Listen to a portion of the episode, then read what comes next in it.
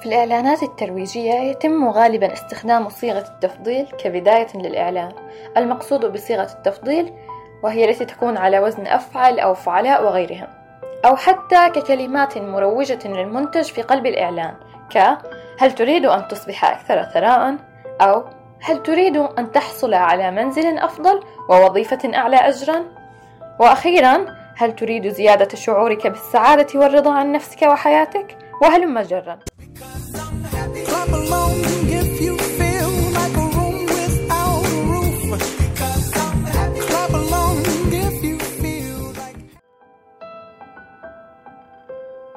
لكن مع الأسف الشديد لا أحد يفكر في سؤال متابع الإعلان إن كان يشعر بالسعادة والرضا أصلا بودكاست فلسفة بدون تفلسف الحلقة السادسة بعنوان هل تشعر بالسعادة؟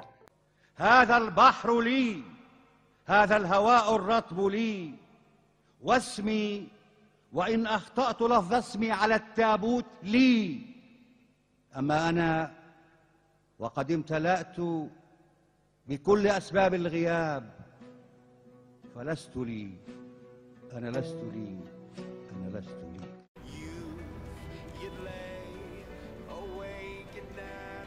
اسمي حبيبة اللمعي. حقدم لكم بودكاست فلسفة بدون تفلسف. حتناول في البودكاست قضايا فكرية وفلسفية وسياسية واجتماعية. بلهجة مصرية بسيطة بالكثير من الفلسفة القليل من التفلسف. الألم هو ما يعلمنا الأشياء التي يجب أن ننتبه إليها عندما نكون صغارا أو عندما نكون طائشين وهو يساعدنا في رؤية ما هو جيد لنا وما هو سيء. إنه يساعدنا في فهم حدودنا وعدم تجاوزها. إنه يعلمنا ألا نعبث بالقرب من المدفأة الحارة وألا ندخل أجساما معدنية في المقابس الكهربائية. هذا يعني أن تفادي الألم والسعي وراء المسرة ليس بالأمر المفيد دائما لأن الألم يمكن أن يكون أحيانا ذا أهمية حاسمة فيما يتعلق بصحتنا وبقائنا. محتوى هذه الفقرة مقتبس من أولى صفحات كتاب فن اللامبالاة لمارك مانسون والتي وضح في مطلعها أهمية الألم في حياتنا ولقد فاه فيها عن موضوع مهم وهو أنه إن لم نتعرض للألم لما وجدنا للعيش سبيلا. وتطرق لأيديولوجية على قدر كبير من الأهمية وهي أن السعادة الحقيقية موجودة في حل المشكلات وليس في القضاء عليها. كلام كهذا ذكرني بجواب نطقت به أسطورة الهند بادما فاتي لما سألها الكاهن عن تعريف السعادة فكانت إجابتها وهم. البعض يرى بأن أوقات الألم والشدة أهم من أوقات الرخاء. What.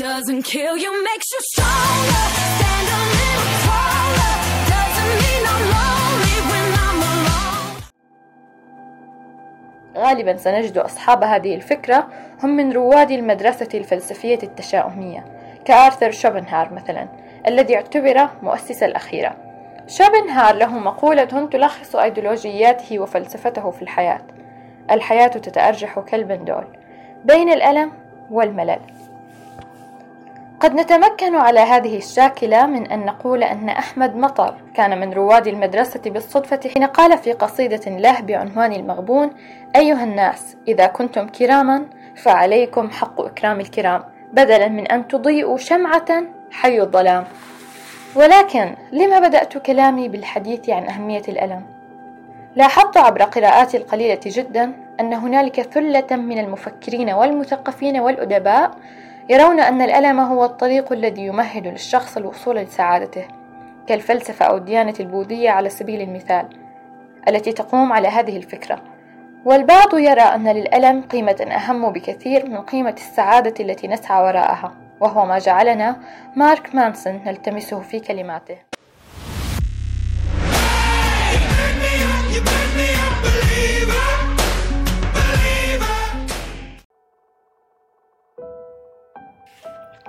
علي عزت بيجوفيتش هو الآخر له وجهة نظر فريدة جدا عن السعادة والتعاسة. ذكرها في كتابه الإسلام بين الشرق والغرب. يقول علي عزت بيجوفيتش في إحدى فقرات الكتاب إن فقدان الاختيار وهو سمة قاتلة من سمات الحضارة يظهر على أكثر ما يكون الظهور في العجز عن وقف إنتاج وسائل الدمار الشامل. كما يظهر في الإيقاع الرهيب لتخريب الحياة الطبيعية الذي يقوم به الإنسان المتحضر في بيئته. إنه الصراع بين الآلي والعضوي وبين المبادئ الصناعية والمبادئ الطبيعية في حياة الإنسان. ومن ثم يوضح في فقرة أخرى الرفاهية هي الصورة البرانية والعبثية هي الصورة الجوانية للحياة. فإذا عبرنا عن هذا الموقف تعبيرا جدليا نقول كلما زادت الرفاهية والرخاء كلما تعاظم الشعور باليأس والخواء. وعلى عكس ذلك يمكن أن تكون المجتمعات البدائية فقيرة تتفاقم فيها الاختلافات الاجتماعية الحادة. ولكن كل ما نعلمه عنها يشير إلى أن حياتها مليئة بمشاعر قوية خصبة. إن الفلكلور وهو أدب المجتمع البدائي يرينا بطريقته الخاصة كيف يمكن أن يبلغ النشاط الحي أقصاه عند الإنسان البدائي. أن مشاعر الاستياء والقنوط مجهولة تماما في المجتمع الفقير. ويكمل بيجوفيتش نقد الحضارة وفشلها في العثور على سر سعادة الإنسان في قوله إن إخفاق الحضارة البينة في سعيها لحل مشكلة السعادة الإنسانية بواسطة العلم والقوة والثروة إذا فهم وتم الاعتراف به فسوف يكون له أقوى أثر نفسي على الجنس البشري. بهذا نبدأ في مراجعة بعض من أفكارنا الأساسية التي هي موضع قبول عام حتى الآن. وأول فكرة يجب مراجعتها هي فكرة العلم الخاطئ عن الإنسان. فما دامت الحضارة عاجزة عن حل مشكلة السعادة الإنسانية فلا بد أن تكون فكرة الدين عن أصل الإنسان هي الفكرة الصحيحة. وفكرة العلم هي الفكرة الخاطئة وليس هنالك اختيار ثالث. علي عزت بيجوفيتش في الفقرات الثلاث يرى أن الحضارة يعوزها العثور على سر سعادة الجنس البشري ويلاحم بين الحضارة والعلم في مقابل الثقافة والدين. وهذا موضوع طويل يحوجه حلقة كاملة. ما يهمنا في هذا الكلام هو رؤية بيجوفيتش لسبب التعاسة وهو الحضارة وطرحه لرؤيته التي تنص على أن كلما أشبع الإنسان احتياجاته المادية كلما افتقد الشعور بالشبع وقد يكون سبب ذلك هو ملئه للخزان الخاطئ. ألا يستحق هذا الكلام الوقوف عنده والتفكر في مكنونه؟ في المرة القادمة عندما تشاهد إعلانا يخيل لك فكرة وجود السعادة في أي شيء مادي يستطيع بقوته الخارقة أن يزيد من مقدار سعادتك. تذكر أن خلف هذا الإعلان مجرد معلن لديه منتج يحاول بيعه. ليس من الضروري أن تكون السعادة مختبئة وراء الماديات أو ما ينقصنا من حاجات. فكثيرا من الأحيان نحصل على ما ينقصنا بعد أن نفقد الرغبة في امتلاكه. وبهذا يكون امتلاكها بعد فوات الأوان باعثا على الشعور بالتعاسة وليس السعادة. فالسعادة شعور مماثل للحزن والغضب والقلق والرغبة والجوع والعطش. وليس له من مسببات للحصول عليه أو حتى زيادته. فإن أردت أن تحس به على الدوام فابحث عنه في عالمك الداخلي. أنت وليس العالم الخارجي.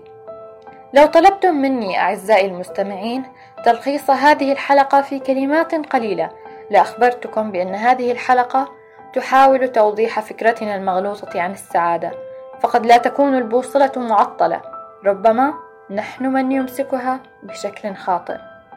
وسأختم بمقولة لعلي عزت بيجوفيتش الذي كان بمثابة ضيف الحلقة لو لم يكن الليل لكنا عاجزين عن رؤية السماء ذات النجوم وهكذا يجردنا الضوء من بعض الرؤية في حين أن العتمة والظلام يساعداننا على أن نرى شيئا. قدمت لكم الحلقة دي بصوت وإعداد وتقديم صديقة البودكاست خديجة علعل. لحد الحلقة الجاية كونوا بخير دائما والسلام عليكم.